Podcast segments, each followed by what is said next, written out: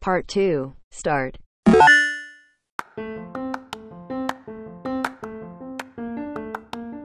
menurut gue ya, menurut opini gue pribadi, yang paling demanding lu untuk beneran pintar itu stasa anak.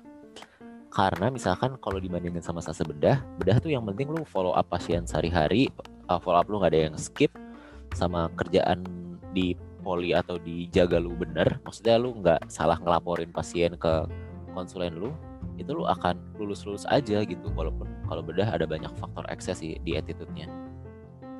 Nah tapi kalau misalkan stasa anak, pertama lu disediain kamar koas sendiri jadi lu bener-bener disediain buat jaga kalau lu jaga lu ada kamar koasnya sendiri tuh dan kamar koasnya tuh tiap hari diberesin sama OB-nya lantai stasa anak jadi lu nggak harus beresin sendiri dan ada AC-nya dan kasurnya banyak jadi lu bisa nongkrong di sana sampai Iya pokoknya kalau lu jaga mau lu jaga mau lu nggak jaga kalau lu nggak ada kerjaan lu bisa nongkrong di situ dan PW banget dan letak kamar koas letak kamar koasnya tuh di lantai yang sama kayak uh, kamar-kamar pasien anak. Jadi lu bener-bener tinggal keluar dari kamar itu, lu masuk ke ruangan lain, lu mau follow up bisa gitu. Jadi kayak enak banget. Oh, berarti surga banget ya kan? Surga banget iya. Kayak gue bahkan berapa kali kalau nggak ada lagi nggak ada presentasi siang, gue bisa tidur siang dulu di kamar koas itu. Kayak terus tiba-tiba karena karena kan gue takut kan kalau misalnya gue balik duluan nih, kan jam balik jam kerjanya jam 3. Tapi eh jam 3 atau jam 4 gitu. Nah, tapi sebetulnya tuh nggak ada acara siang-siang. Kayak nggak ada presentasi nggak ada teman gue yang mau maju presentasi. Tapi gue takut nih balik duluan karena takutnya tiba-tiba ada presentasi kan. Ya udah gue nongkrong aja di situ gue tidur di situ kalau misalkan kalau misalkan kira-kira sempat gitu ya. Ini misalkan tiba-tiba ada presentasi kan gue tinggal bangun terus ke ruangan presentasi sebelah gitu. Jadi kayak menurut gue PW banget gitu sama kalau stase anak itu kebanyakan pasiennya ngumpul di lantai itu doang. Jadi ruangan pasiennya nggak tersebar di mana-mana di rumah sakit. Kayak kalau stase bedah itu lu follow up-nya bener-bener ngiterin satu rumah sakit. Kayak dari ujung IGD yang paling depan sampai kamar di gedung teratai yang paling atas lantai 5 wow. lu datang itu tiap pagi lu muter kayak gitu kayak lu bangun jam 4 aja kadang-kadang lu merasa kesiangan gitu jadi bener-bener kayak apa ya demanding gitu demanding secara fisik. Kalau misalkan sasa anak tuh dia demanding secara otak lu pintar tapi lu difasilitasi gitu. Uh, jadi lu nggak harus capek-capek menurut gue ya. Nah itu salah satu alasan kenapa gue suka sasa anak sih sama konsulennya juga mostly beneran ngajarin. Jadi nggak cuma marah-marahin lu doang tapi bener-bener kayak kamu belajar ini ini ini nah itu kalau misalnya lu udah disuruh belajar kayak gitu terus lu masih besoknya nggak tahu itu berarti salah lu karena lu udah disuruh belajar kan? Tapi kalau misalkan konsulennya cuman uh, marah-marahin lu doang tapi dia nggak ngasih tahu lu apa yang harus lu pelajari at least kayak gitu ya menurut gue ya mungkin emang lu nggak cocok sama konsulen itu. Tapi kalau gue sih sama konsulen-konsulen sasa anak gue cocok banget sih walaupun ya nilai gue nggak seberapa. Gitu. Uh, nah Nah, ngomongin konsulen nih, Kak. gimana, gimana?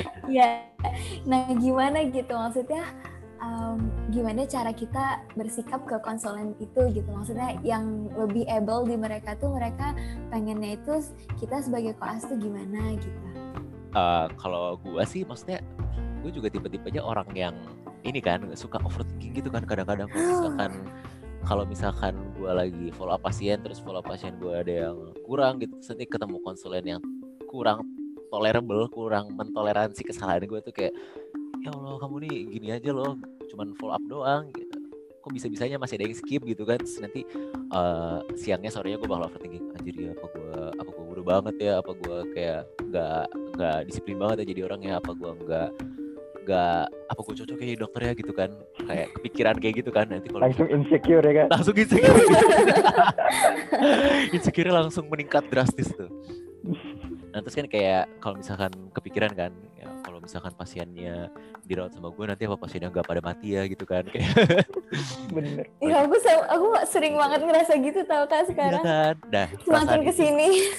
perasaan preklinik lo itu akan tambah lagi kalau di udah klinik. Jamin. Makanya lo harus belajar kan gitu kan maksudnya. Yeah. maksud mereka biar kita termotivasi belajar gitu kan. Tapi ya kadang-kadang overthinkingnya lebih banyak daripada motivasinya gitu. Iya bener sih. Tapi kalau konsulen-konsulen sebenarnya variasinya banyak gitu. Ada yang memang dia eh, tipenya guru banget gitu. Kayak kalau misalkan kalian lagi ngikutin jadwal polikliniknya beliau atau lagi ngikutin visita beliau nanti dia bakal dikit-dikit uh, muter ke belakang tempat kalian berdiri gitu kayak jadi deh ini na- namanya uh, kasusnya ini. Bisa kita lihat dari tanda-tandanya di pasien ini ada ini ini ini gitu. Ini biasanya kalau misalkan saya pengalaman saya saya tangani dengan ini gitu. Wah itu gua kalau misalkan sa- konsulen gua udah depan kayak gitu di depan gua muter balik ke ngadep gua terus cerita kayak gitu gua adem banget perasaannya kayak oh ya udah gue dianggap sebagai muridnya dia gitu. Gak sia-sia gue berdiri di belakang dia gue rela gue ikutin ke mana aja nih gue ikutin. Sumpah lu mau follow up ke gedung yang mana juga gue ikutin gitu kan.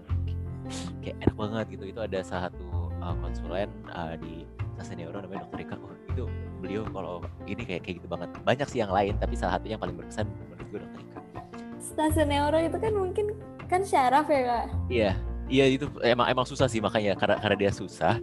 Jadi mungkin dia sadar kalau misalnya ilmunya itu nggak gampang. Jadi dia tuh lebih mengayomi sama Iya. si koas-koasnya gitu. Kayak oh gue tahu nih koas-koas gue goblok-goblok gue harus pelan-pelan gitu. Ya gitu sih. Nah tapi ada juga tipe-tipe konsulen yang eh, lebih kayak "Oh, sorry banget nih gue bukannya gak mau ngajarin lu tapi sekarang pasien gue lagi banyak nih. Misalkan di depan lagi di depan polinya dia lagi ada 60 pasien ngantri gitu terus habis itu dia ini udah jam 11 dia belum istirahat makan siang terus dia masih harus uh, follow up lagi nih di uh, apa di bangsal gitu kan. Kayak sorry banget nih gue bukannya nggak mau ngajarin lu tapi emang pasien gue lagi banyak jadi lu liatin aja ya kalau misalkan gue lagi meriksa pasien nanti kalau ada pertanyaan nanti kita bisa bahas bareng-bareng kalau misalkan lagi ada jadwal presentasi gitu misalkan kayak gitu. Jadi kayak kita lebih paham gitu kan kayak oh iya uh, nggak apa-apa dok gitu kan. Ya kita emang ha- harus bilang nggak apa-apa sih. Nggak nggak mungkin kita marah-marah sama konsulen sih. Tapi ya Iya dia gitu. Kalau kalau kalau konsulen kayak gitu at least dia nggak nggak apa ya nggak dalam tanda kutip uh, mempersulit kita dengan dia masih menghargai kita. Cuman ya dia emang nggak ada waktu atau uh, tenaganya aja buat ngajarin kita di waktu lebihnya dia. Karena emang pasiennya udah banyak banget kan. Dan uh, gue akui aja emang pasien di Fatma tuh banyak banget Kak, pada beberapa waktu bisa ada sekali pasien masuk tuh ada 10 atau 11 gitu. Dan tiap pagi kan kalau pasien rawat inap kan harus di follow up kan. Dan dia bisa aja dia follow up pagi terus dia masih harus ngadepin pasien di poli uh, 50 atau 60 selesai jam 4 dia masih harus ngelanjutin follow up sore yang tadi pagi belum sempet gitu. Terus malam dia masih ada jaga malam gitu kan kayak uh, kalau misalkan lu nggak empati sama dia ya lu nggak bakal bisa paham gitu gimana rasanya jadi dokter sebenarnya gitu kan. Iya. jadi ya mau nggak mau lu manfaatkan aja keadaan lu pada saat ketemu konsulen kayak gitu dengan ya belajar sebaik-baiknya di lu perhatiin banget dia cara periksa pasiennya gimana lu perhatiin penanganan pasien di bangsa gimana dikasih obatnya apa aja. Kalau misalkan dia lagi sibuk dan gak bisa ngajarin lu lu inisiatif sendiri buka-buka rekam medis pasiennya. Karena salah satu privilege koas adalah kita nggak dikasih tanggung jawab pasien tapi kita boleh buka rekam medik kita boleh belajar uh, dari tata laksana tata laksana yang ditulis sama konsulen itu gitu. biasanya kan rekam medik cukup lengkap kan? Dikasih tahu uh, nanti konsulen lu bakal ngelis perkembangannya.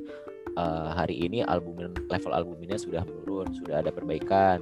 Uh, misalkan uh, rencana rawat jalan pada besoknya. Berarti kalau udah rencana rawat jalan lu harus tahu kan oke berarti dia perbaikannya dari mana nih? Setelah dikasih apa obatnya? Obatnya apa aja? Dosisnya berapa?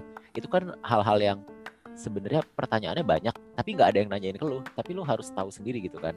Iya, itu kita dituntut untuk belajar sendiri dan konsulen-konsulen kayak gitu menuntut lu untuk inisiatif belajar sendiri gitu. Tapi ada juga konsulen yang hilang gitu. Kayak dia, dia dia lebih kayak disconnect gitu sama koas gitu. Dia dia masih megang bimbingan koas. Dia masih masih bisa ngebimbing lu untuk presentasi kasus.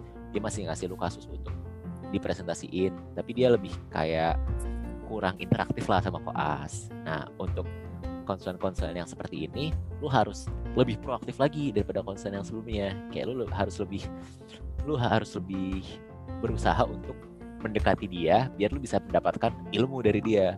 Karena gimana pun caranya lu ko- konsulen jadi ngajarin koas tuh dapat duit berapa sih kalau misalnya kita mau hitung-hitungan?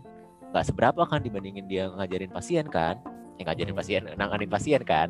Iya, iya, dan waktunya yang harus dia alokasiin untuk ngajarin kita kan nggak sedikit juga. Nggak mungkin kita di baru diajarin lima menit kita langsung paham kan? Enggak kalau misalkan dia harus ngajarin kita sampai kita ngerti dan kitanya nggak usah belajar sendiri kan dia harus ngajarin kita berapa jam seminggu gitu kan. Sedangkan dia masih harus bagi waktunya sama tanggung jawab dia yang lain gitu. Jadi untuk konsulen-konsulen seperti ini ya kalian harus lebih proaktif lagi. Kayak kalau misalkan kalian ada pertanyaan gak usah malu untuk nanya. Tapi lihat juga dia lagi sibuk atau enggak gitu misalkan. Kalau misalkan dia lagi nggak sibuk dan kalian pertanyaannya bermutu ya pasti dijawab kok. Kayak pertanyaannya tuh jangan yang kayak dok dosis ini berapa ya? Itu kan bisa di Google lu tinggal Google doang. Iya bener bener. Ya lu tanyanya dok pada pasien ini kan perkembangannya seperti ini. Kalau menurut saya dari kalau menurut dari yang saya baca sebaiknya kita lakukan tindakan ini uh, pada pasien dokter apa pertimbangan dokter untuk melakukan tindakan seperti itu? Gitu misalkan. Nanti kan dia, pasti senang gitu jawabnya oh ini anak mikir nih ini anak udah baca. Tapi ya dia masih ada yang dia nggak tahu gitu. Oh kalau pada pasien ini saya tidak melakukan tata laksana ini karena dia usianya masih segini. Toleransi tindakannya tidak baik kalau untuk usia seperti ini. Kan lu kayak oke lu dapat ilmu baru dianya juga jadi seneng gitu karena muridnya beneran belajar gitu loh Hmm, Nah jadi kayak sebenarnya menurut gue sih konsulen segala-galaknya nggak ada yang jahat kok, nggak ada yang nggak ada yang kayak ingin lu gagal gitu. Mereka semua tuh ingin lu sukses tapi dengan caranya masing-masing. Dan tinggal bagaimana pendekatan lu ke mereka dan bagaimana uh, kekuatan mental lu menghadapi mereka gitu karena gak, gak jarang ada yang suka ya uh, sulit mengontrol emosi lah. iya, Kak. gimana sih gimana lu bakal nanggepin mereka aja Oke. Mungkin tentang koas udah dibahas banyak banget nih kak. Mungkin boleh dilanjut ke ini aja kak eh, tentang personalnya nih. Personal. Soalnya eh, apa? Nggak semua orang tuh eh, bisa apa ya? Ya ada lah stressornya kan. eh, apa insecure-nya ada. Tapi eh, ada yang bisa handle, ada yang bisa enggak gitu kak. Eh, gimana nih eh, cara kakak eh, survive gitu di koas? Apalagi kan eh, tadi lihat cerita dari kakak kan kakak agak tertinggal ya dari teman-teman kakak buat Hmm. startnya Hmm. gimana nih sampai kakak bisa survive sampai hari ini di koas gitu ya kan gimana caranya gue survive? Kayak coping mechanism gitu mungkin ya? Kayak cara gue Iya, iya. beradaptasi gitu kan? Iya ya benar. Gimana ya? Kalau gue sih menurut gue yang paling penting dari lu ngejalanin koas adalah ya satu pasti niat lu untuk ngejalanin koas. Dua support system lu. Kalau misalkan gue ketemu temen-temen yang bisa jadi support system yang bagus di sebuah stase itu gue bener-bener bersyukur banget. Jadi ada beberapa stase yang gue ketemu teman-teman yang bener-bener suportif banget nih. Kalau misalkan gue ada beberapa yang belum gue ngerti gitu gue bisa minta tolong mereka ajarin gue gitu. Atau kalau gue ada beberapa tugas yang gue keteteran mereka bisa bantuin gitu. Atau kayak sebatas kalau misalkan kita lagi jenuh abis ujian sesuatu atau presentasi sesuatu terus diajak cabut bareng padahal besoknya masih stase. Tapi kayak ya cabutnya masih cabut-cabut ngotak sih nggak nggak nggak sampai keluar kota gitu enggak tapi kayak ya refreshing aja gitu dikit-dikit diajakin gitu. Dan mereka mau itu sih gue sangat bersyukur sih support system Jadi tuh salah satu. sejawatan itu penting banget ya kak. penting banget. bener banget iya. Kayak kalau misalkan lu punya temen stase atau sejawat yang PW banget bisa lu ajak ngobrol bisa lu ajak kerja bareng itu bener-bener ah itu bener-bener lu harus bersyukur banget sih karena itu akan mempermudah rotasi stase lu atau kayak ah, kegiatan klinik lu tuh berkali-kali lipat lebih mudah ya tadi kan dari support system ya kak Mm-mm. Eh, kalau misalkan orangnya eh, agak-agak introvert gitu kak kan apa, support system tuh eh, tergantung dari diri kitanya ya kan kak Eh, kalau Iya, iya. misalkan kitanya pasif kan gimana gitu kan Ah, iya iya iya, iya. Nah, gimana tuh menurut kakak kalau orangnya tuh eh, agak-agak introvert gitu kak? M- Mereka bisa survive nggak sih kak? introvert sebetulnya gue introvert juga sih tapi ya mungkin gue masih bisa inilah masih gue masih pengen jalan sama temen gue gitu kan ada juga orang yang mungkin dia lebih tenang kalau misalkan dia ngerjain tugas sendiri gitu kan nah sebetulnya menurut gue itu tuh pilihan masing-masing tetap tapi at least kalau misalkan lu di koas lu harus bisa mengkomunikasikan kemauan lu atau kebutuhan lu dengan baik gitu. Soalnya kadang-kadang ada beberapa yang uh, mungkin karena terlalu malu jadi susah gitu uh, mau uh, mengat- mengungkapkan kebutuhan mereka. Kayak misalkan dia lagi butuh waktu ujian gitu atau waktu presentasi kasus tertentu tapi dianya tuh kurang vokal sama teman-teman atau sama ketua sasanya atau sama sekretaris sasanya jadi dia telat ngabarin kalau misalnya dia mau presentasi pada tanggal segini atau pada waktu segini gitu. Jadi ujung-ujungnya ada bentrok jadwal atau kayak nggak semua orang nangkep maksudnya dia kalau misalnya dia mau mau ada presentasi pada waktu tersebut gitu. Itu salah satu salah satu miskomunikasi yang menurut gue cukup sering terjadi sih. Jadi kayak uh, kita jadi kayak keteteran gitu ngikutin jadwal yang uh, belum terlalu tersusun dengan rapi gitu. Atau misalkan uh, kan satu konsulen bisa ngebimbing beberapa orang sekaligus kan. Misalkan ada satu konsulen bisa ngebimbing tiga presentasi kasus sekaligus. Berarti dia ngebimbing tiga koas kan. Nah kalau kayak gitu mau nggak mau kan koasnya harus janjian bimbingan dengan barengan kan. Soalnya nggak mungkin konsulennya uh, ngebimbingnya satu-satu gitu. Pasti mau nggak mau harus barengan biar efektif aja gitu kan nah kalau kayak gitu misalkan ada juga yang uh, kadang-kadang uh, bimbingannya ngubunginnya sendiri tapi kayak nggak barengan gitu. Nah itu biasanya lebih ke konsulennya yang bakal komplain kayak kamu kok nggak bimbingan bareng? Saya nggak ada waktu gitu. Kalau bisa kamu bareng aja. Gitu juga dengan waktu majunya. Jadi misalkan kalau dia pembimbingnya satu yang dibimbing banyak berarti kan nanti kemungkinan presentasinya akan dilakukan dalam satu jadwal. Jadi nanti habis si A presentasi si B presentasi si C presentasi gitu kan nah tapi kalau misalkan orangnya nanti keteteran sendiri kayak pada waktu tersebut dia belum menyelesaikan presentasinya dia nanti kan yang akan ketarik ketarik ke back down nanti bakal dua orang yang sebetulnya udah menyelesaikan presentasi dia kan tapi hmm. nggak hmm. bisa presentasi karena yang satunya belum selesai bikin presentasinya oh, gitu oh iya kan uh, jadi hmm. kayak kalau kayak gitu sebetulnya at least walaupun lu uh, memilih untuk tidak uh, bersama dalam kerja lu atau dalam uh, hangout di luar koas lu, at least lu harus bisa berkomunikasi dengan baik sama teman-teman sesasa lu biar nggak ada miskomunikasi miskomunikasi yang akan memperkeruh kesejawatan lu.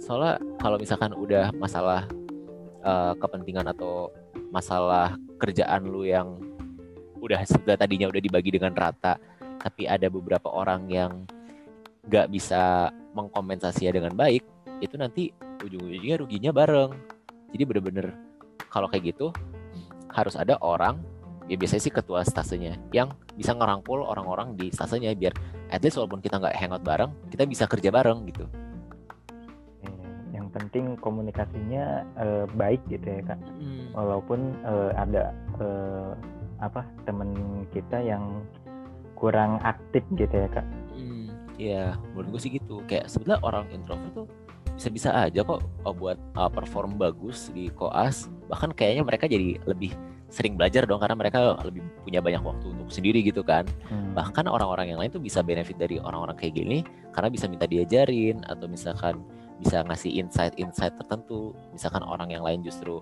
terlalu ekstra saking ekstrovertnya dia kebanyakan main gitu kan. ya dia iya, sama Stase gitu kan kayak tiap malam nonton gitu kan ini juga nggak baik juga kan iya gitu sih. Menurut gue semua orang bisa survive kok di kos amin. Kalian bisa kok kalian bisa. Amin amin. Kos gak sesulit itu. Gak sulit sih tapi gak sulit Terus nih kak, nah pasti ada waktu-waktu di mana emang kayak bener-bener adat banget gitu emang uh, misalnya besoknya ujian terus segala macem gitu. Nah uh, gimana cara kakak nemuin me time gitu waktu buat diri sendiri pas emang lagi padet-padetnya gitu? Hmm, me time ya? Iya, hmm. pasti kan kita butuh gitu ya kak. Uh, berhubung gue introvert, jadi gue cukup mengistimewakan me time gue. Nah, jadi kalau misalkan let's say pas tas bedah.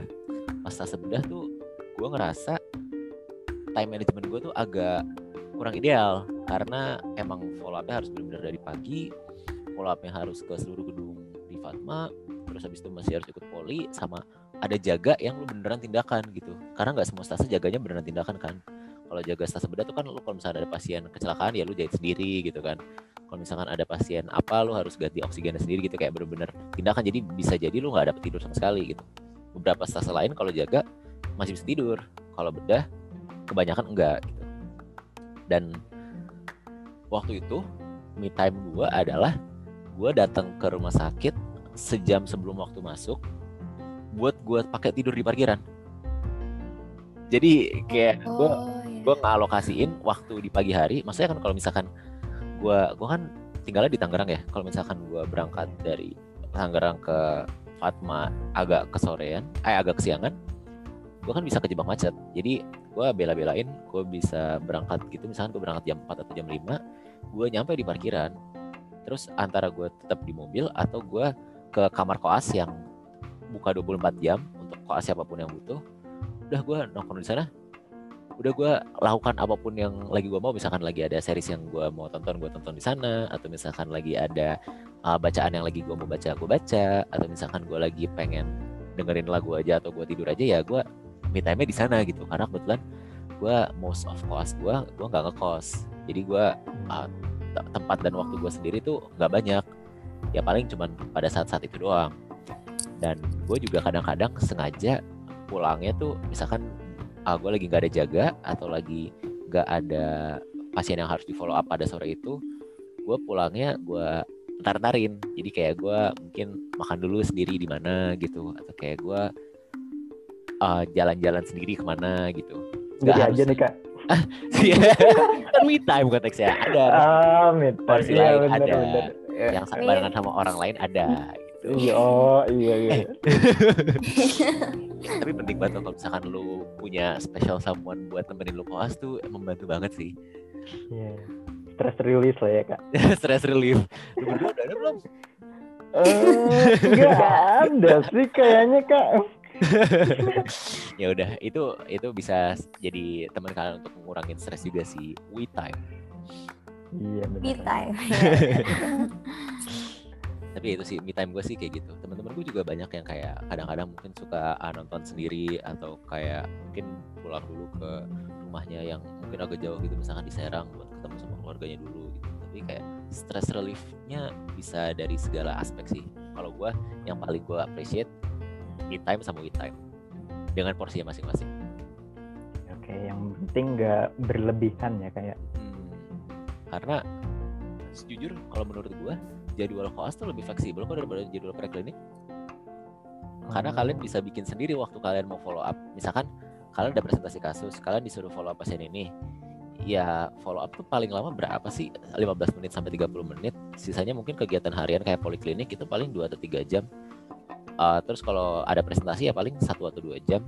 Sisanya ya kalian atur sendiri. Karena kan waktu kalian di rumah sakit paling cuma 6 jam. Dan kalian punya banyak waktu bebas karena mostly kan kalian masih ngekos. Kalau kalau di preklinik kan kalian mau nggak mau harus dari pagi sampai sore kan di kampus kan? Iya. Kan. Uh, paling pulang-pulang itu udah bentar lagi matahari udah terbenam kalian udah mau ke mana juga udah mager. Kalau kalau kos tuh enggak kalian dari siang juga udah bisa kosong. Jadi kalian bisa ngatur waktu sendiri kalian mau ngerjain tugasnya sekarang atau nanti atau kalian mau hangout sekarang atau nanti. Kebebasan kalian banyak cuman kalian harus disiplin aja. Oh gitu ya kak. Berarti eh, dalam satu hari itu di rumah sakit aja tuh nggak nggak begitu ini ya kak, nggak begitu full gitu kak. kayak misalkan uh, let's say stase yang menurut gue cukup kosong tuh stase IPD jadi stase IPD tuh lu cuman butuh uh, follow up pagi itu pun follow up pagi lu sama residen karena kebetulan uh, ada residen IPD di Fatma. Gue nggak tahu sih sekarang sejak covid ada atau enggak tapi dulu sih pas gue ada. Nah uh, habis follow up bareng residen itu lu ada ikut poli ikut poli tuh paling dari jam ya misalkan lu follow up misalkan dari jam 8 sampai jam 9 kalau lu datangnya on time jam setengah 8 Terus habis itu poli itu paling baru mulai dari jam uh, 10 sampai jam 12. Kalau tergantung polis lagi kalian lagi ngikutin polisi apa. Ada yang pasiennya banyak jadi kalian harus datang lebih cepat. Tapi kalau mostly sih dari jam 10 sampai jam 12. Atau bisa sampai jam 1 tergantung jumlah pasien. Terus habis habis poli ada presentasi nggak? Kalau ada presentasi yang harus kalian ikutin, kalian standby. Kalau nggak ada, kosong. Kalian main aja ke mana tuh ke Citos nyebrang dari Fatma makan dulu terus habis itu ada kabar dari teman kalian kalian presentasi nyebrang lagi balik kalau preklinik kan kalian nggak bisa main ke Citos dulu Enak ya. Kalau dipikir-pikir. gue bahkan kadang-kadang ini suka lari pagi dulu kalau misalkan lagi nggak ada follow up pagi. Gitu ya jadi, ternyata. jadi malah lebih bebas Dikirain tuh ini kak, apa namanya tuh? Ya full kayak preklinik gitu. Enggak. Tapi ya ya ada beberapa stase yang sibuk ya beneran sibuk. Kayak kalau bedah lu dikasih kebebasan kayak gimana pun kerjaan lu nggak bakal selesai kalau lu nggak uh, at least 10 jam lebih di rumah sakit. Apalagi kalau lu jaga.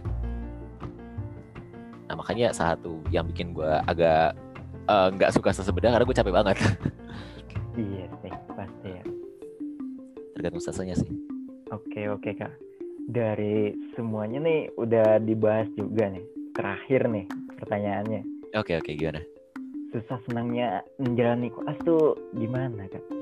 Susah senangnya ya? Iya. Ntar gue gua throwback beberapa memori dulu nih di pasnya. Ingat-ingat dulu gue. Uh, jadi kalau senang sih overall, gue paling seneng kalau kayak yang tadi gue bilang ya, gue dapet teman-teman sase yang enak, diajak belajar, diajak jalan, masih suka hangout sampai setelah stasenya selesai walaupun kita nggak ada kerjaan bareng lagi gitu kan. Kayak istilahnya kayak gue dapet teman deket baru. Kayak lu kan preklinik walaupun semuanya teman lu tapi kan nggak nggak banyak yang lu beneran ngobrol tiap hari itu kan nggak semuanya kan. Ya lu nggak selek sama dia tapi lu nggak sering juga ngobrol sama dia. Sedangkan kalau stase kan pasti satu stase tuh isi cuma 6 sampai 18 orang tergantung stase minor atau stase mayor nah enam orang itu kan dengan beban kerja yang sama kalau misalkan lu solid lu pasti akan jadi deket kan Nah kalau misalkan gue dapet teman-teman yang bisa diajak deket kayak gitu sih gue appreciate banget. Apalagi masih suka hangout sampai setelah sasanya bahkan. Hmm. Sama gue senangnya juga kalau misalkan gue bisa ketemu sama konsulen-konsulen yang beneran uh, memikirkan koasnya gitu kayak dia mempertimbangkan koasnya udah ngerti atau belum, dia mempertimbangkan koasnya uh, kerjanya bagus atau enggak, koasnya kira-kira gimana dia bisa membantu koasnya untuk belajar lebih gitu. Gimana caranya dia memberikan yeah. pengalaman yang benar-benar bermanfaat bagi koasnya biar koasnya tuh beneran punya ilmu yang praktikal buat nanti kalau dia praktek gitu kan atau ilmu yang bisa jadi hmm. ilmu yang bisa jadi lever buat dia kalau misalkan nanti dia mau ngambil spesialis tertentu gitu misalkan dan konsulen-konsulen seperti itu banyak. Jadi uh, di beberapa stase walaupun gue perform nggak terlalu bagus tapi gue senang sama konsulennya kayak oh ya gue gue nanti kalau misalkan gue jadi spesialis gue mau jadi kayak dokter ini gitu. Kalau gue kalau gue nemu konsulen yang kayak gitu menurut gue jadi jadi role model baru gue gitu. Dan lu akan ketemu banyak konsulen yang uh, cukup respectable gitu. Nah kalau itu senengnya yeah. Iya. kalau susahnya kadang-kadang lu akan mengalami miskomunikasi yang cukup fatal gitu sama entah itu konsulen lu, entah itu temen lu, entah itu pihak lain di rumah sakit yang bikin lu jadi terkesan buruk di mata konsulen dan teman-teman lo gitu. Misalkan uh, eh, gue pernah uh, ada miskomunikasi uh, penempatan jadwal jaga sama temen gue jadi kayak kesannya gue mau bikin dia jaga lebih banyak daripada gue atau misalkan gue jaga lebih banyak daripada dia gitu padahal ya terlepas dari orang-orang pasti pengennya jaga lebih sedikit kita kan nggak mungkin nggak kerja sama sekali kan di koas kan yeah. kita kan nggak mungkin memberatkan kerjaan teman kita kan yeah. Tapi mungkin ada beberapa kepentingan misalkan kayak orang tuanya sakit atau misalkan kayak dia lagi sakit atau dia lagi ada kepentingan tertentu atau kita lagi ada kepentingan tertentu dan kita nggak mengkomunikasikannya itu dengan baik atau teman kita nggak menerima komunikasi itu dengan baik atau kita nggak menerima komunikasi dengan baik dari teman kita kan jadinya miskomunikasi. Ujung-ujungnya kan kita akan selek-selekan kayak ada sedikit sensi sama teman-teman stasa kita sendiri. Padahal kita tuh masih akan kerja bareng sama dia beberapa minggu lagi gitu dan itu tuh akan sangat memperberat hidup lu di stasa itu karena selalu harus mikirin pasien lu ilmu yang belum lu punya hubungan lu sama konsulen. Lu juga harus mikirin hubungan lu sama orang yang harusnya ngebantuin lu gitu.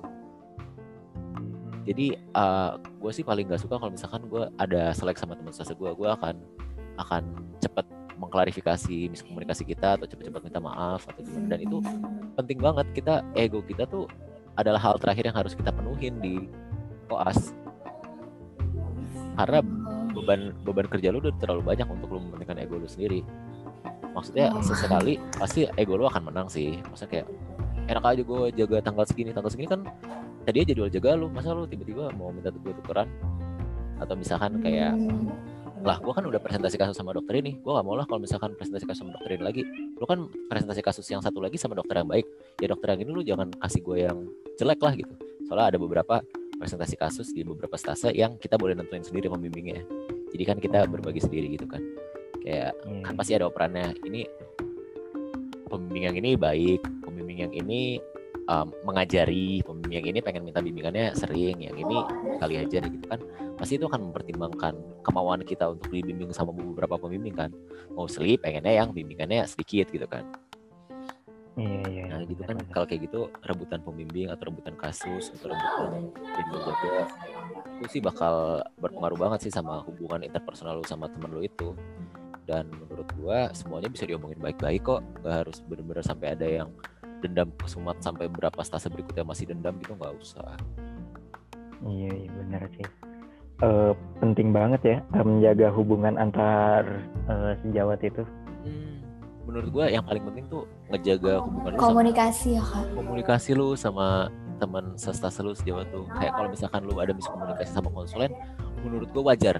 Menurut gua wajar banget lu ada miskomunikasi sama konsulen. Karena uh, kalian tuh nggak selalu melihat hal dari kacamata yang sama. Konsulen lu kan pasti lebih pintar kan dari lu kan atau lebih sibuk atau lebih ada pertimbangan-pertimbangan lain yang pertimbangannya nggak sama kayak lu. Jadi wajar kalau lu miskomunikasi sama konsulen walaupun sebaiknya jangan. Tapi kalau sama teman sendiri masa lu uh, harusnya kalian bisa kerja sama jadi kalian kerja berlawanan satu sama lain kan itu sangat sangat bisa dihindari sebenarnya gitu Iya sih, benar-benar. Oke. Jadi eh, kalau gitu aku simpulin aja kak ya boleh. dari apa pembahasan kita banyak banget nih tentang klinik mulai dari eh, feeling pertama kali masuk koas terus apa namanya tuh eh, beberapa stase di UIN gitu kan. Terus ada lagi apa perbedaan-perbedaan eh, stase di institusi kita sama institusi lain. Ya intinya banyak lah kak eh, apa namanya tuh pembahasan kita kali ini. Terus cara survive juga bagaimana cara eh, survive-nya orang introvert yang extrovert terus cara me time oh banyak banget ini ilmu banget sih bagi kita semua buat Iya sih, Kak. belajar eh, apa Kalau belajar buat lebih gitu kalau buat aku pribadi ini berharga banget. Iya, soalnya eh, yang kayak gini-gini tuh eh, susah gitu kak. Iya benar banget kak. wah semoga bermanfaat ya uh, omongan-omongan tidak penting gue ini ini penting banget kak. Ini penting banget kak. Bahkan kalau ya aku tuh banyak bagian banget sih. banyak banget yang aku baru pertama kali tahu dari sini. banyak yang nggak taunya. wah Sama-sama. senang banget bisa memberikan informasi yang informatif walaupun cuma sekedar basa-basi Gak apa-apa kak. kalian nanti akan akan ngerasain sendiri jadi ya jangan jangan takut-takut koas ya jangan setelah dengerin gua kayaknya rada serem terus jadi agak lebih down gitu jangan Semoga Enggak. aja bisa mengantisipasi Ya. Eh, kan lebih baik kan mengantisipasi eh, gimana Iya, iya, iya. gimana eh, nanti di koas. iya betul banget Pan jadi ya semoga sedikit anekdot dari gue ini bisa bikin kalian lebih termotivasi ya buat ngejalanin preklinik sama koas nanti Amin. amin. Amin, amin, amin. Semoga Amin. pendengar juga sama sih pendengar. Iya. Salam ya Makasih banyak kak. ya. Makasih banyak banget nih kak eh, buat informasi-informasinya. Terus eh, maaf juga nih udah ngambil waktunya. Terus ah, ngambil apa namanya tuh ya waktu dan tenaganya lah kak. Ya, Apalagi sama-sama. kuotanya ini lewat zoom ya. Mohon maaf. Mohon maaf ya, Kak. Ya, sama-sama kalian semua. Salam ya buat teman-teman preklinik yang lain. Kalian kak. stay, Ya, makasih stay banyak safe di pandemi ini. Oke, paling segitu aja obrolannya dari kami eh, teman-teman apa Dema FKUIN Auricula. Gimana Ara? Em, ya, Eh, sekian dari kita dari Auricula.